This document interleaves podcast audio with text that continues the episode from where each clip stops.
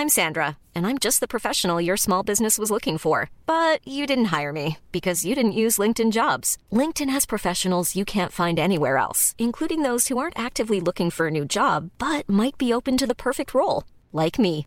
In a given month, over 70% of LinkedIn users don't visit other leading job sites. So if you're not looking on LinkedIn, you'll miss out on great candidates like Sandra. Start hiring professionals like a professional. Post your free job on linkedin.com/people today. Millions of people have lost weight with personalized plans from Noom, like Evan, who can't stand salads and still lost 50 pounds. Salads, generally, for most people, are the easy button, right? For me, that wasn't an option. I never really was a salad guy. That's just not who I am. But Noom worked for me. Get your personalized plan today at Noom.com. Real Noom user compensated to provide their story. In four weeks, the typical Noom user can expect to lose one to two pounds per week. Individual results may vary. Even when we're on a budget, we still deserve nice things. Quince is a place to scoop up stunning high-end goods for 50 to 80% less than similar brands. They have buttery soft cashmere sweaters starting at $50, luxurious Italian leather bags, and so much more. Plus, Quince only works with factories that use safe, ethical, and responsible manufacturing. Get the high-end goods you'll love without the high price tag with Quince. Go to quince.com slash style for free shipping and 365-day returns. Dessutom så, när jag gick på polishögskolan, då eh, vår äldre lärare, han lärde ut att man kan ju använda båtmössetricket. Eh, och, och då, liksom om man ska gå fram mot en eh, person som man vet att den här ska gripas eller omhändertas, så han kommer inte följa med frivilligt. Och då liksom eh, tar man av sig mössan snabbt och kastar den på personen. Hur var det här då? Hur var det här då? Hur var det här då? Hur var det här då? Hur var det här då? Ja, hur var det här då? Och så var vi äntligen igång med avsnitt ett. Jäklar vad härligt det här ska bli. Jag undrar ju lite grann, är det någon som har haft något skoj att göra sista tiden eller? Ja, jag har varit i Kiruna och jobbat. Och eh, inom poliskommendering i EU-möte och bevakat. Det var trevligt. Speciellt. Det såg inte ut som att du jobbade någonting i och för sig, när jag såg på bilder och så. Nej, men jag visar ju bara valda delar av verksamheten. Vill Ni inte bodde fint. hemligt. Nej, vi bodde lite spartanskt, så kan man säga, med, i baracker på skjutfält. Men eh, Kiruna var trevligt med omnejd och ishotellet och norrsken och allt det där. Ja, såg riktigt bra ut såg jag. Vad handlade det om? Jag Vad var det nu- ni gjorde? Ja, vi bevakar EU-toppmötet. Vi är ju ordförandeland i EU ett halvår nu. Hade du lika tjocka jackor på dig också då? Ja, vi hade ganska tunna. Vi körde mycket lager på lager. Vi kunde inte låna från eh, ishotellets garderob som, som eh, statsråden. Men, men eh, vi hade lager på lager och mer kanske polisändamålsenligt. Men bara, bara, bara en fråga där. Vad, vad, fick ni bo ute på, vad sa du, i baracker alltså? Ja, militären. Men Kiruna är ju en liten stad och eh, 17 000 invånare vad det var. Och eh, halva EU höll jag på att säga, men ledarskiktet i EU och regering och kungapar och med entourage kommer dit. Det är klart att man inte kan erbjuda alla hur fina boenden som helst. Så då fick vi eh, hålla till godo med eh, militärens eh, faciliteter. Härligt. Vad, vad, är det hotellet, det där ishotellet, är det häftigt eller? Ja, det var väldigt häftigt. Det, var, eh, vi, man, det blev tillfälle att gå in och titta lite och sådär och se alla de här sviterna. Varje rum är ju unikt. Och så har de även en isbar. En isbar som man vill hänga i och, och ta sig en stadig grogg om man hade kunnat. Men ja, det har varit trevligt. Nu fick jag bara titta på den. Blir det ingen gin och tonic? Vi sa ju att vi skulle spela in, eh, vi skulle spela in det hundrade avsnittet om vi kommer Ja, upp i så många där uppe, eller hur? Ja, vi i, i isbaren där då ska vi sitta där. Jag pluggar ju uppe i Umeå och då hade vi som mål när vi pluggade uppe att eh, ja men fan när vi ändå är uppe i Norrland, vi, vi åker upp och, och kollar på ishotellet. Och det gjorde vi tills dess att vi började googla och insåg att fan det är 60 mil bort. Ja. Det, det är ju visst avstånd där uppe alltså. Ja, några poliser hade åkt från Sundsvall och eh, eh, ja, de hade kört i 12 timmar för att komma upp. Men jag tycker absolut att vi ska ta sikte på hundrade avsnittet uppe i Kiruna. Det kör vi på grabbar. Ja. Härligt. Men du, Ja. Det, lo det lovar vi alla våra Ja. nya lyssnare nu. Hundrade avsnittet. Eh, men nu gör vi så här, nu går vi till lyssnarfrågan. Eh, och all information om lyssnarfrågan låg i början på programmet då. Så eh, jag har ju fått äran att ställa första lyssnarfrågan i den här podcasten då. Eh, så min fråga till er fyra nu då, det är att eh, när jag växte upp och eh, ja, under hela livet där så, så, så, så är det ju en grej som har legat nära till hands. Eh, rattfylla, det, det skulle nog vara bland det skämmigaste att åka fast för tycker jag personligen då. Eh, men, men så har man alltid legat på, på, på gränsen när det gäller sådär en härlig sommardag. Eh, man ska ner och bada på kvällen kanske eller någonting. Eh, kanske druckit några öl. Och så ja, är det lite långt så kanske man har tagit cykeln dit. Och jag har frågat många kompisar där och vi är väldigt oense om vad, vad själva straffet är för, för att eh, cykla full. Finns det något som heter styrfylla eller åker man dit för rattfylla? Eller vad, vad, vad, vad, vad säger reglerna? Är det skillnad på om jag cyklar på en cykelbana kontra en bilväg eller i skogen? Där är min fråga till er. Vad är det som gäller där? Det finns ju ingen styrfylla. Det är en sån här vanlig eh, missuppfattning tror jag. Som, man, eh, som verkar leva kvar där. Men vi kan ju döda den helt och hållet här i vår våran kära podd här. Det finns ju ingenting som heter styrfylla för det första. Det finns inget brott som heter så. Och rattfylla, då krävs det att man har ett eh, motordrivet fordon då. Så att cykel går ju helt bort. Eh, det kan aldrig bli rattfylleri av något slag. Utan då får det vara någonting med motordrivet fordon och då måste det vara en viss, eh, om man tänker elcyklar och sånt så det finns det, går inte, som cykel så att då måste det vara något som är lite kraftigare över eh, typ 250 watten och sådär. Men det som det kan bli det är fortfarande inte sådär superlämpligt att cykla runt full utan det kan ju fortfarande bli att man kanske orsakar någon trafikolycka och då kan det bli vårdslöshet i trafik kanske eller att det blir vållande till kroppsskada som det heter då om man liksom oavsiktligt råkar cykla på någon eh, när man cyklar hem full från Avenyn eller något. Men det kan aldrig bli rattfylla oavsett hur illa man cyklar eller om man cyklar på någon så utan då blir det eh, andra brott helt enkelt. Så kan man säga. Gud vad jag känner mig trygg med att vi har en egen trafikpolis i gänget. Så jag tänkte alla trafikfrågor tar, det tar du i framtiden Martin. Det är jätteskönt. Vad, eh, Martin, vad, hur har vi det med Voi och sådana här saker då? Eller typ om man har en kraftigare motor på, på sin cykel? Ja men precis. Så här, eh, för att det ska räknas som cykel så man får cykla på cykelbana och att det inte blir rattfylleri och så här, Då ska det vara max eh, 250 watt. Jag tror jag har för mig att jag har läst att Voi och de här eh, hyr-elcyklarna de har en lite högre men det är någon slags eh, dispens någonting de kör med. Men annars så är det när det är över det upp till 1000 watt så är det räknas typ som eh, mopedklass 2 samma där. Eh, så det gäller samma regler som om man har en eh, vanlig moped som går max 25. Och sen över 1000 watt eh, så då är det eh, mopedklass 1 och sen så kommer det ju när det är över eh, ja, ytterligare starka, jag kommer inte ihåg exakt om det är 1500 eller 2000 så kan det ju vara som en lätt motorcykel till slut. Men det här är ju väldigt, det är ju så jävla snårigt. Man, de som säljer elcyklar de säljer ju gärna och så kanske det står finstilt att få bara vara på inhägnat område men det cyklar runt eller mer som en moped eller motorcykel som kör runt i 50, 60, 70 folk inte har någon hjälm för de tänker att det är en elcykel. Så här. Och då är det ju... Stoppar vi dem och de inte har körkort eller inte har motorcykelkörkort då, då åker de ju på olaglig körning. Och har man druckit en öl som många har gjort och kanske och kör hem eh, så är det ju rattfylleri också. Där, då. Så man får ju passa sig lite där och läsa på lite och ha lite koll. Men eh, under 250 watt i alla fall då är det ju man är säker att det är en, eh, en räknas som cykel så det gäller samma regler som cykel. Ja, okej. Så 250 det är där gränsen går kan man säga då, för, för att åka Ja. dit för rattfylla eller inte då?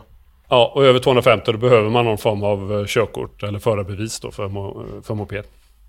Ja, ja, men vad härligt. Då fick vi lite information på det då. Men eh, ja, ja, bara för att det är tillåtet så kanske man inte ska, ska eh, ja, helt enkelt eh, kö, köra cykel full ändå. Bara Men- för att saker tror- är tillåtna är det inte alltid lämpligt. Nej, precis. Nej, härligt. Eh, vi går vidare här i podden. Det var lyssnarfrågan och nästa vecka då så kommer det en riktig lyssnarfråga då. Från en riktig lyssnare då. Ja, just det. Det är ju ingen som lyssnar på oss nu. Vi har ingen aning. Vi pratar med oss själva egentligen bara. Exakt. Så vi får se om vi får någon fråga till nästa vecka eller inte då. Men vi ska gå in på dagens huvudämne då. Och det är det här lite grann som jag har läst i tidningarna nu då och som varit uppe på tapeten i slutet här som, som jag skulle vilja säga som, som egentligen bygger på den här podden. Jag vill gärna med den här podden få, få att först visa hur ni poliser arbetar ute i er vardag plus att vi vanliga Svensson, arbetare, knegare ska få lite information och eh, även ha ett jävla gött förtroende för er poliser. För jag har det personligen. Men så har jag läst i Aftonbladet här nu var vi senaste sån här ja, vad heter det, Eh, undersökningar man gjorde då. Då stod det att förtroendet för polisen har rasat efter Lövinge-effekten. Kan man säga så? eh, 8 januari i Aftonbladet stod det det. 11 procent har förtroendet rasat för det. Vad, vad tycker ni om det? Ja, herregud. Vad ska man säga? Jag, jag tycker inte Det är att det är konstigt. Jag tycker att det är ganska naturligt. eh, En, en, en ganska förväntad utveckling. och vi är ju en förtroendebransch liksom. Och när det blir sådana enorma skriverier och, eh, och eh, sådana här granskningar som har varit så tycker jag inte att det, hade, jag tycker inte det är konstigt att förtroendet för oss eh, minskar. Jag tycker att det upplever att man får mycket mer frågor om det. Det, här, det är ett samtal. Ända sedan det här uppdagades har det blivit ett, normal, ett, ett normalt samtal kring fikabord både på jobbet men också utanför. Det är en stor medial grej. Det är väldigt höga chefer involverade så att eh, och det är väl egentligen inte särskilt anmärkningsvärt att det påverkas utan det är väl bara något vi får hantera. Tänker jag. Vad tänker ni jag har inte läst den undersökningen så noga, men vad är det liksom generellt för, för hela eh, polisväsendet? Eller För jag fattar ju om folk tappar förtroendet för vår högsta ledning. Det gör man ju själv och undrar vad, vad håller de på med liksom. Men jag tänker att om läser man en sån grej så eh, förlorar man verkligen förtroendet för liksom, radiobilen som kommer ut, eh, kommer hem för att hjälpa en efter ett inbrott eller någon man träffar på på stan. Så liksom. Jag har inte läst om det är skillnad så. Men det, det man kan rent generellt säga det är väl att eh, någonstans så genomsyrar väl ändå den högsta ledningen vad, som, vad, vad man tror och kanske förväntar sig av, av hela organisationen. Så, så det kan väl vara så att man eh, någonstans förknippar det som, som händer och sker med den högsta ledningen som no, något generellt för, för hela polismyndigheten om man säger. Och det som, som är då det, det är ju att, att Ja, men 11 procentenheter från eh, eh, sen, sen december 2022, så det är på en månad. Och då är det de som har stort förtroende för Polismyndigheten. Jag legat på kring ja, men 61-62 procent de senaste ja, halvåret i alla fall. Och nu är vi nere på 50 då. Ehm, så, jag, så jag tror att man, man, man, man generaliserar nog och undrar liksom hur, hur står det till i, i övriga Polismyndigheten när det här kommer upp då som, som då där, där våra högsta chefer är involverade. Ja. Ja, det är bedrövligt. Sen tror jag nog, personligen så tror jag ju att i det, i det korta, på kort sikt så tycker jag inte alls att det är konstigt att det påverkas. Men sen är det hur det här hanteras och utreds och eh, alltså hur krisen hanteras. Det tror jag blir avgörande för, det lång, för förtroendet i långa loppet. Och än så länge så har jag personligen inte nå- någonting som jag har sett att man borde kunna göra mer av. Utan eh, jag tycker att det hanteras så som man kan tänka sig att det borde hanteras i dagsläget. Det pågår en utredning och de här frågorna när de försöker ställa dem till svars eller att de ska berätta mer. Det är klart de inte kan säga mer under en pågående förundersökning. Det ska man inte göra. Så att det, eh, nu har det gått lite tid så nu har väl de flesta medierna köpt det också. Man ligger ju inte på mer just nu. Så det är väl rimligt. Tornberg, vad ska han göra liksom? Han har tillsatt en utredning, den måste få ha sin gång och sen att liksom eh, många säger, kräver besked nu och, eller åtgärder nu. Det måste först gå till botten med exakt vad som har hänt. För visst, det skrivs mycket i media och, och, och det påstår saker, hävdar saker men eh, det är ju medieuppgifter. Vi, han måste ha en utredare som och gör en, en noggrann utredning av det hela och det, det pågår ju nu.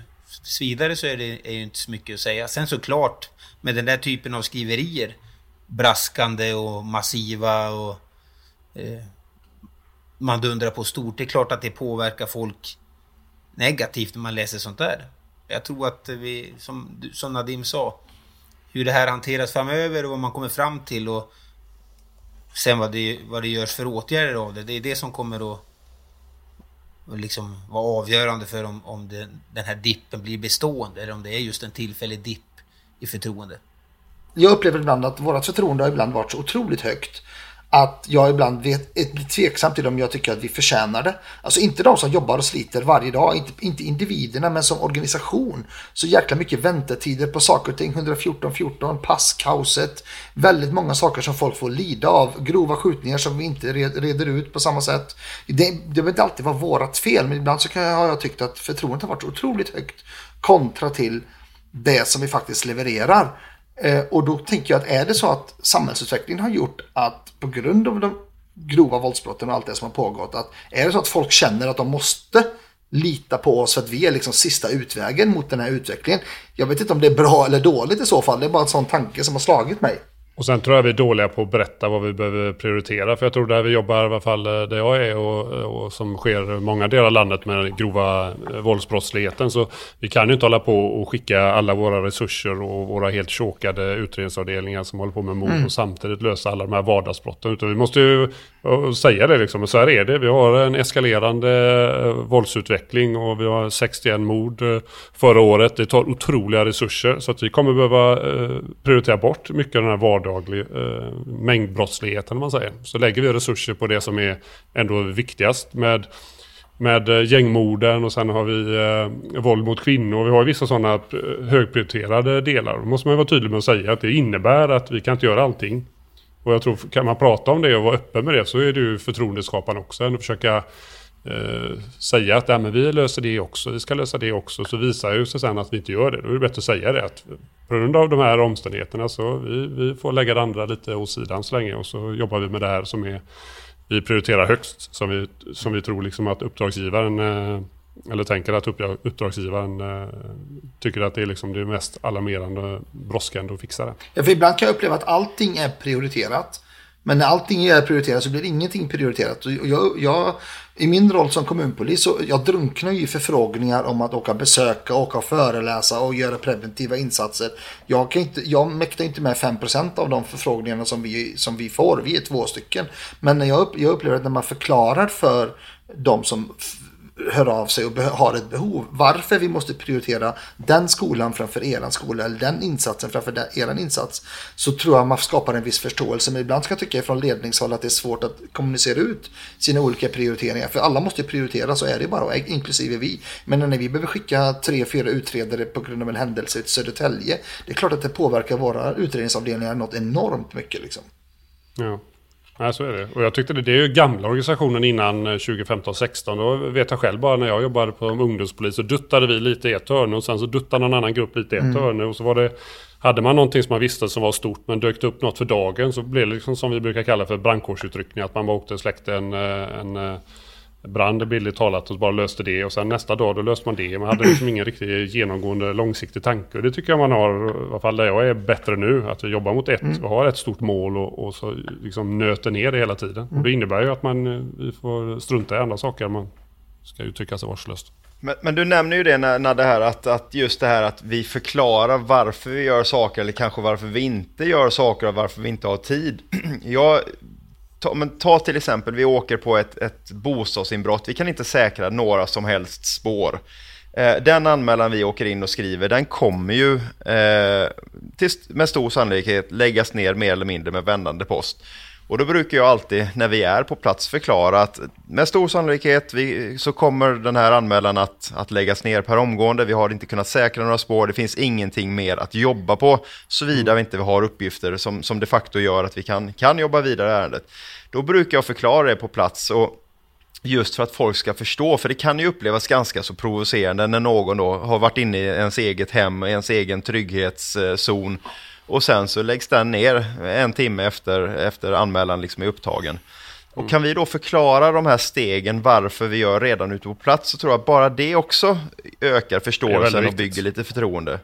Precis, ehm, och, och, också just det att ja, bara för att, att, att en anmälan är nedlagd så innebär inte den att den är borta. För är det som så att vi till exempel springer på lite stöldgods som går att härleda till, eh, till det här eh, inbrottet så kan vi öppna upp anmälan. Och jag tror att ja, ja, min uppfattning är att, att det, det brukar mötas med liksom en förståelse och eh, ja, en, en, tråkig situation kanske ändå någonstans, ja, men man kan få, få lite mer förståelse för varför vi gör vissa saker och hur, hur den fortsatta gången ser ut. Eh, och här tror jag att vi, vi kan vinna mycket på att bara ta den där lilla extra tiden att faktiskt förklara hur, hur, hur gången ser ut när man, när man har varit utsatt för ett brott. En sak som eh, vi inte kan varken kan eller ska förklara bort och som inte går att ursäkta det är ju att vi nästan har försvårat för medborgarna att kunna anmäla brott de har blivit utsatta för genom att vi stänger ner receptioner i massa i städer och i polishus. Inga öppettider och hänvisas, de hänvisas till nätet och 114 14. Och eh, det finns trots allt många människor som äldre, de använder inte nätet och de blir utsatta för brott. Sen ska de sitta i telefonkö. Det finns exempel på folk som vill anmäla och fått sitta tre, fyra timmar. Och det är ju, där, det är dåligt. Och där förtjänar vi ett lågt förtroende. Det är betydligt allvarligare än, än tillfälliga snaskiga eh, reportage i kvällstidningar om, om polischefers eh, eventuella tillkortakommanden i, i, på olika sätt. Det tycker jag är allvarligare och det, det måste Polismyndigheten komma, komma till bukt med. Om man ska ha en... Man pratar om närmare medborgarna. Nu är i, i de här avseendena är vi längre ifrån dem än någonsin. Vi har inga polisstationer de kan komma till när de, när de eh, har ett ärende. Utan vi hänvisar dem till, till en eh, telefonkö och, eh, och internettjänster som inte alla har tillgång till. Det är dåligt. Ja, jag håller med. Och nya polisstationerna blir ju ofta på grund av att vi har högre krav på säkerhet kring våra egna byggnader. Så blir de ju inte mitt inne i stan eller centrum längre. Utan det blir ju mer in, ute i industriområden otillgängliga. Även om det är till och med också i dåliga öppettider så blir det ju också svårt att ta sig dit med kollektivtrafik. Men på, men på Söder. Södermalm exempelvis, där jag jobbar, det stängs nu i, i april. Då stänger man vår reception för gott. Millions of people have lost weight with personalized plans from Noom, like Evan, who can't stand salads and still lost 50 pounds. Salads, generally, for most people, are the easy button, right? For me, that wasn't an option. I never really was a salad guy. That's just not who I am. But Noom worked for me. Get your personalized plan today at Noom.com. Real Noom user compensated to provide their story. In four weeks, the typical Noom user can expect to lose one to two pounds per week. Individual results may vary. Ryan Reynolds here from Mint Mobile. With the price of just about everything going up during inflation, we thought we'd bring our prices down.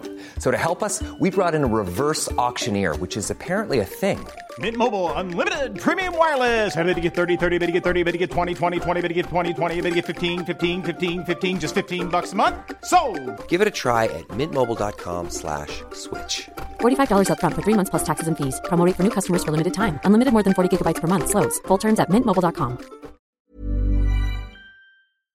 Och, och, ja, och, och då finns det en reception kvar i hela Stockholm city. Och det är Norrmalm och de har inte öppet på helger den. Och då ska man ju tänka att sommarhalvåret då, ja eller hela året när det kommer turister och blir bestulna. De vet inte någonting om 114 14, de vet inte om internettjänster. De är ju liksom, de får stå och, och, utanför polisen och hoppa på första bästa polis de kommer för att få hjälp. Och, och, Vad är anledningen till det? Hur, de, hur motiverar man det där beslutet ja, då? det är lite oklart för mig. Jag har sett att man hade... Någon, någon har hänvisat till att man någon gång gjorde en undersökning, så såg man att ah, men, det liksom lönar sig inte öppettider och personalkostnader och, och kontra besöken. Men det är klart, de har ju kanske tittat på mindre orter där liksom där det kan finnas en polisreception som inte blir så besökt så ofta. Så har man slagit ut det. Men, men man, i, i, i rikets större städer borde det ju rimligen finnas en service till medborgarna i form av en öppen reception. Och framförallt ja. i Sveriges huvudstad kan jag tycka och i andra och tredje städerna också som alla har stora strömmar av turism och, och, och andra saker liksom. Nej, I Göteborg det, har vi ju också det... bara centrumstationen som är öppet. Ja. För några år sedan så var det till och med, då var den stängd nattetid. Så var alla hänvisade, enda öppna stationen i Göteborg det var hissingen på nattetid. Så om man blev utsatt för något brott så skulle man sen sätta sig på en spårvagn ut till Hisingen. Så blir man få en rånad en gång till innan man hann göra anmälan. Ja. Vem, vem åker dit frivilligt liksom? Nej, det gör man ju inte så gärna. Nej. Nej, det är dåligt. Det är dåligt. Ja, och det här, det här rimmar ju väldigt, väldigt konstigt med, med omorganisationen 2015 när vi skulle komma närmare medborgarna, det skulle vara enklare att nå en polis. Och vad gör vi? Vi, vi, vi centraliserar och stänger ner polisstationer. Och man ska inte förringa den där tryggheten, bara vetskapen att ja, men på, på min lilla ort, där finns faktiskt en polisstation. Så att den hade öppet två timmar varannan tisdag. Men man ska inte förringa det, för det var närheten, det var tryggheten. Man hade sin lokala polis. Man ska inte heller Eh. förringa det mänskliga mötet. Att om man kommer Exakt, är exakt. bestulen eller är utsatt för ett brott eller något, och, eller vad det nu är, tappat bort någon, någon ägodel. Så får man sitta ner med någon och, och, som lyssnar på en och pratar än att, än att sitta och fylla i ett formulär på, över, på internet eller sitta i, ja, i bästa fall till sist komma fram till någon i telefon. Härligt. Vad, eh, vad, vad, vad tycker ni om eh, poliser i sociala medier då? Har det stärkt eran, ert förtroende eller kan det även sänka det ibland? Jag tycker att, att jag är bra på Twitter. Du är bäst. Du behöver inte vara så blygsam, du är Nej, bäst. Ja, och Du är sen, kung. eh, Övriga, lämnar, eh, övriga kollegor runt om i landet lämnar en del att önska. Nej, men, eh, men det, det, det är skämt åsido. Alltså- det, det är ju ömsom vin, ömsom vatten, så kan man ju säga. Det som sker på, på eh, sociala medier. Det har blivit lite eh, allmänhetens fria åkning i, ibland och det, så kan vi inte ha det. Eh, är min uppfattning. Kan du utveckla, vad menar du?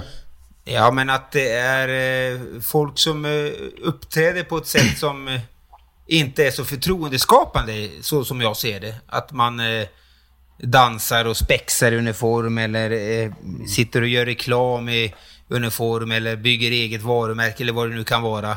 Utan eh, det är ju så, och det får man ju såklart göra på sin fritid, men man kan inte sitta och göra det i iklädd uniform eller i liksom använda eh, polissymbolerna och myndighetens varumärke som, liksom, som sitt eget. Om man ska säga så. Jag tänker de människorna, eller de kollegorna, de har ju någon gruppchef någonstans. Att inte de kan liksom... Jag fattar inte vissa konton som är så... Det är helt hårresande. Man blir ju... Man blir ju ledsen när man ser det. För man känner och undrar hur folk tänker om polisen liksom. Att inte de Ja, för det är så här, som även- bara säger att skärp dig. Nej men ja, det är ju så. Även de, de... Ja men det här är mitt privata konto. Ja, absolut. Men det är fortfarande så att de som ser det uppfattar dig som en polis. En representant för Polismyndigheten. Eh, de förstår inte att, att det här är, är liksom din, din egen... di- Ditt eget konto som är, är privat. Inte när du uppträder som polis eh, på kontot. Nej, det är helt galet. Jag tycker det är en intressant, jätteintressant diskussion. Jag har ju varit föremål för diskussion även där personligen och funderat mycket kring och jag menar vad... Jag tror att det, det, det enklaste för Polismyndigheten att säga eller, eller avkräva det är ju att alla som har privata konton på sociala medier att det tydligt ska framstå redan i första raden av presentationen att det är ett privat konto. Sen att man kopplas tight till polisen eller inte, det kan man inte alltid rå, alltså, rå för. Men, och jag ska också säga att jag, jag, jag, jag egentligen vill jag inte försvara det här på något sätt, för jag är inget, absolut inget fan av att man dansar och skapar content och trams på, i polisuniformen. Men tittar man i de, de personernas kommentarsfält och deras respons så är de ju extremt uppskattade på de plattformarna där inte någon av oss är egentligen. Så det finns en aspekt där och, och, och ta hänsyn till. Jag menar bara senast, om det var förra året, när det var hon, hon kollegan uppe i norra Sverige som la ut en film som blev väldigt kritiserad där vi egentligen alla hade åsikter om den. Men tittar man i hennes kommentarsfält så byggde hon ju ett enormt förtroende bland de medborgarna som fick se det. Och det är, det är ju en, ändå en as- aspekt, inte att, inte att jag håller med här, jag vill bara betona att jag tycker inte att det är lämpligt. Men det finns ändå någonting där att, att, att prata om och ta hänsyn till. Men jag tror att det enklaste för Polismyndigheten att göra det är att Polisuniformen hör till jobbet och det är arbetstid, punkt. Content och sånt där skit får man göra utöver arbetstid och utan, utan uniformen. Men framförallt att det är på ditt sociala mediekonto ska framgå att det här är ett privat konto. Så att det inte råder några tvivel. Sen kan man som polis eh, eller som person som jobbar som polis som har lagt ut en och annan po- bild på sig själv i polisuniform inte hjälpa att människor tolkar det ena och det andra och det tredje. För det finns människor som tolka en på ett negativt sätt och någon som kan, vill tolka det på ett positivt sätt. Men i grund och botten så tror jag att den max, alltså totalt så har polis, individuella polisers närvaro på sociala medier spelat en jävla roll för förtroendeskapandet. Eh, såklart händer det saker som naggar förtroendet i kanten. Eh, det tror jag, det får vi väl vara överens om. Men sett till hela bilden så det tycker jag. Men du eh, Peppe som är, du är engagerad på eh, polisutbildningen och sådär. Går man igenom någonting där och pratar tydligt om det? Eller hur, eh, liksom, finns det någon utbildning för det så att alla fattar vad det finns för riktlinjer och sådär? Jag vågar faktiskt inte svara på det. Sen brukar jag personligen alltid ge dem rådet, både de som, som, som på- påbörjar sin polisutbildning men också våra aspiranter som kommer ut i verkligheten här nu, hur man ska eller bör agera eh, för att liksom inte hamna i de här diskussionerna, liksom, vad gjorde du och varför gjorde du? Och ni har ju varit inne på det, när, när vi representerar Polismyndigheten i uniform, men då är vi neutrala, vi har inga åsikter till höger och vänster och, och vi ska inte eh, sponsra eller, eller göra reklam för att få sponsring eh, med hjälp av uniformen. Vad man gör på sitt privata konto i, i civila kläder, det är fine.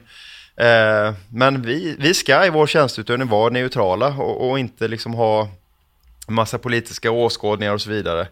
Eh, och håller man sig där inom den ramen, då, då, kommer det, då kommer det funka bra. Då, då kommer man inte hamna i massa oklara situationer som, som gör att man kanske ligger sömnlös om, om nätterna. Ehm. Jag tycker det är intressant att ta med typ eh, det som är intressant. Jag som har några godkända bisysslor. Det måste man ju ha. Om man tjänar pengar på något annat sätt än från polislönen så måste ju Polismyndigheten godkänna det. Eh, och i den ansökan eller i motiveringen när man får det godkänt eller avslaget så står det att risken för förtroendeskada är acceptabel eller inte typ. Och nu, jag har ju två godkända som, eh, som jag jobbar med vid sidan av polisen. Och där tänker jag ju sådana som jobbar som influencers och tjänar pengar på att vara influencers och skapar, skapar innehåll med hjälp av sin polisuniform. De, de tjänar ju, det är ju liksom, och den, den har jag svårt för att se att hur den är godkänd eller eh, liksom hur de, kan- man kan motivera det. Nu vet jag inte hur, vi- hur, det, hur det ligger till i deras ekonomiska situation men det är ju en aspekt som jag tycker är väldigt intressant eh, eftersom det är ekonomisk liksom, ja, men inkomst på något sätt. Så, så bara, bara, bara en fråga där. Allting som ni poliser, om ni skulle ha ett vid sidan om-jobb då, eller där ni tjänar pengar på någonting.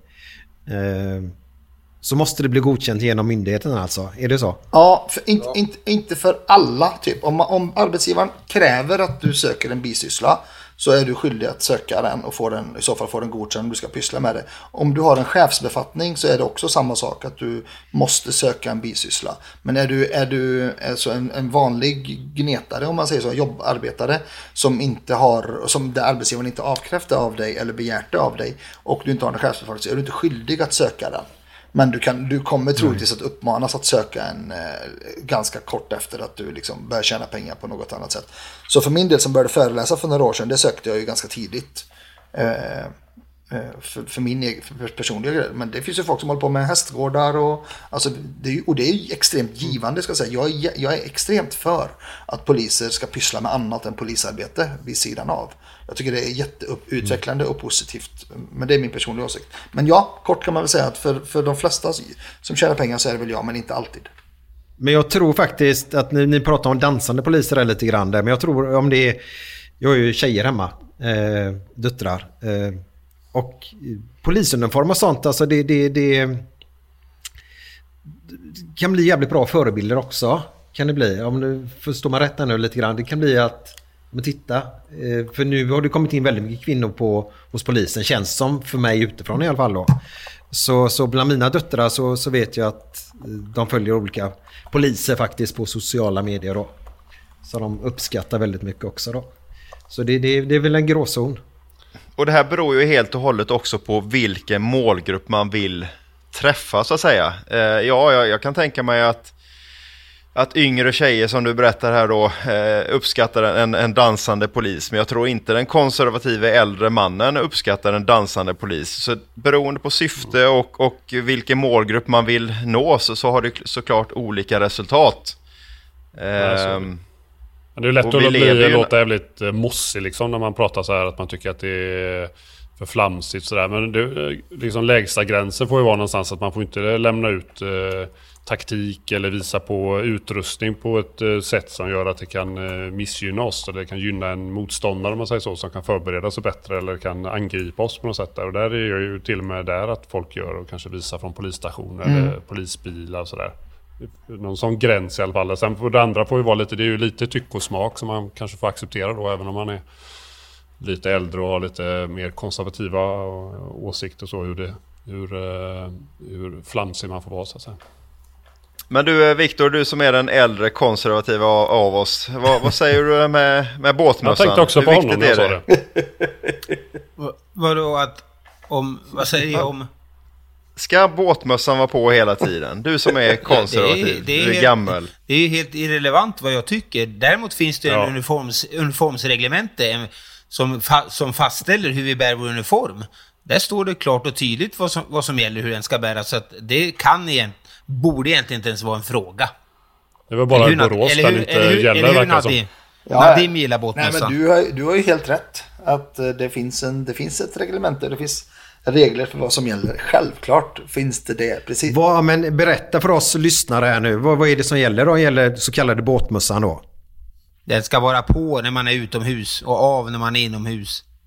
Sen, Så enkelt var det. sen, finns det, sen ska man också ha med sig att båtmössan är utformad efter människor med extremt eh, eh, dålig hårväxt eller extremt konst, eller inte konstig, eh, konservativ frisyr.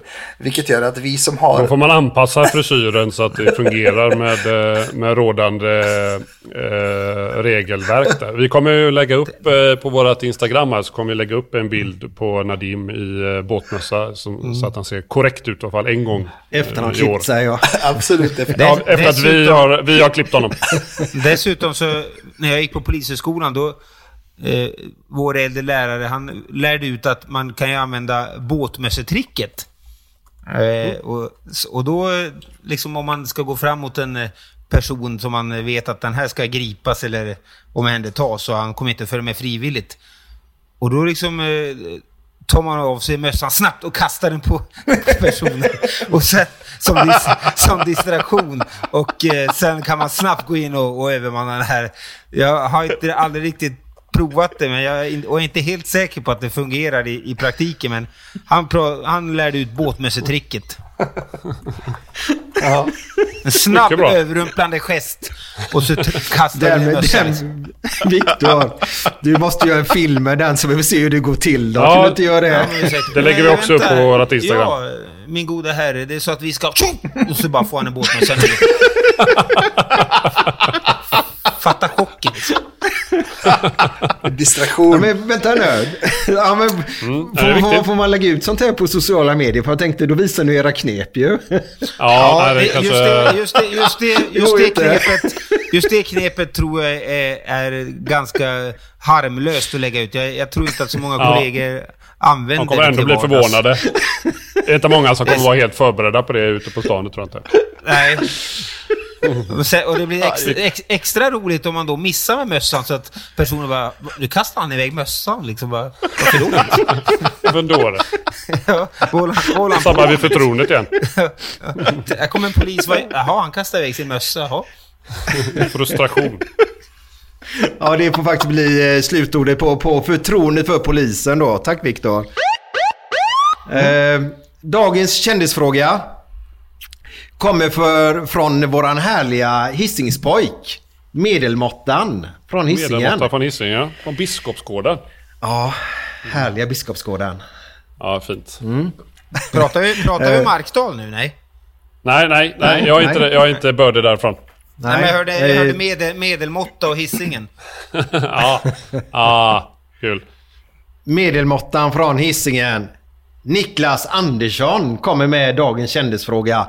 Och den lyder så här från självaste Niklas. Hej, eh, jag har en fråga till panelen. Får man lov att köpa ut till eh, ja, folk under eh, 18 år? Alltså inte svensk sprit alltså, men om man har köpt utomlands och inte jättestark heller, inte elefant eller sånt, men vanlig sprit. Får man lov att köpa ut till folk under 18 år? Om de bara vill ha lite mysigt och lovar att ta det lugnt. Det är min fråga. Nej, jag bara skojar givetvis. Eh, eh, en vän till mig undrar om man får lov att köra moppe, eh, typ vespa, på gångväg. Eh, får man det? Ha det gött! Jag försöker profilera mig som trafikpolisen i den här podden. Så att jag, jag tar den också Det är då. jätteskönt att du Nej, det får man ju... Ja, Jag tar den för laget här. Nej, eh, man får inte köra eh, Vespa på eh, cykelbana om det är en sån snabbare än eh, klass 2. Eh, klass 2-mopeder som går upp till 25, den eh, ska man ju köra på cykelbana. Eh, det är ju endast när det inte finns någon cykelbana som man får köra ut i körbanorna. Men är det en sån som går i 50 och, eller 45 där då, då eh, ska man ju köra på körbanan. Då får man absolut inte köra på cykelbana helt enkelt. Ja, det är Fast det så. beror helt enkelt på eh, eh, hastigheten. Så att som frågan var nu med 50, då får man inte köra det. Då ska man vara ute på vägen. Ja, Okej, men om du kör en sån Vespa fast i 25 på en cykelbana, då får du lov att göra det. Nej, Nej. är vespan liksom har den effekten, eh, det spelar ingen roll hur mycket man reglerar Ah, hastigheten där. Utan är det effekt som eh, att den har kraft till att köra eller ja, över en viss eh, antingen eh, kilowatt med, eller watt med eh, elmopeder. Okej. Eller eh, hästkrafter så här då. Som är mer än, eh, mer än klass 2. Snabbare än klass 2. Då får man inte köpa cykelbana. Nej, det, är det det bo- bilvägar som gäller. Det Exakt. borde vara särskilda regler för de enorma cykelbanorna här i, i Hökarängen där jag bor. Där, där, där kan man köra långtradare om man vill. Så att Ja, där borde man kunna få köra. Ja. De är så stora Ja, det där. eh, De tomma, helt tomma öde... Gigantiska dubbelfiliga cykelbanorna, ja. Ja, de gillar du. Ja, de älskar jag. Jag tycker ändå var återhållsam nu. Jag, jag, jag, jag Ja, känner jag- att du... jag bit- jag ser ju lite där, jag jag ser ju biter du tungan. vibrerar men ändå håller dig lite i... eh, Jag, eh, jag, jag säger så här, jag stannar där. Bra. Vi, ko- vi kan säkert återkomma till dem när de har byggt någon ny cykelbana här ute. Det kan vi göra. Men vi tackar Niklas för, för frågan då naturligtvis. Vi ska runda av här nu gubbar. Eh, lyssnare, tack för att ni har varit med oss. Ja, om vi ska sammanfatta det här programmet, vare sig det gäller eh, eh, cykla på fyllan eller eh, dansa i polisuniform eh, på sociala medier eller något annat, så kan man ju sammanfatta med hela med bara för att det är lagligt betyder det inte att det är lämpligt. Tänk på det. Mycket bra. Hej då! Hey! Let's be careful out there. Ja, hur var det här då?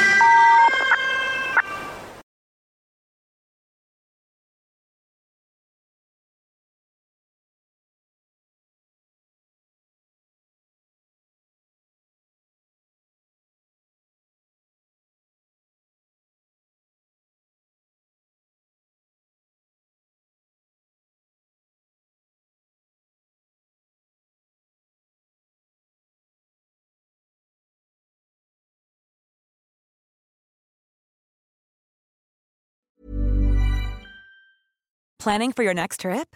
Elevate your travel style with Quince. Quince has all the jet setting essentials you'll want for your next getaway, like European linen, premium luggage options, buttery soft Italian leather bags, and so much more. And is all priced at 50 to 80% less than similar brands. Plus, Quince only works with factories that use safe and ethical manufacturing practices. Pack your bags with high-quality essentials you'll be wearing for vacations to come with Quince. Go to quince.com slash pack for free shipping and 365-day returns.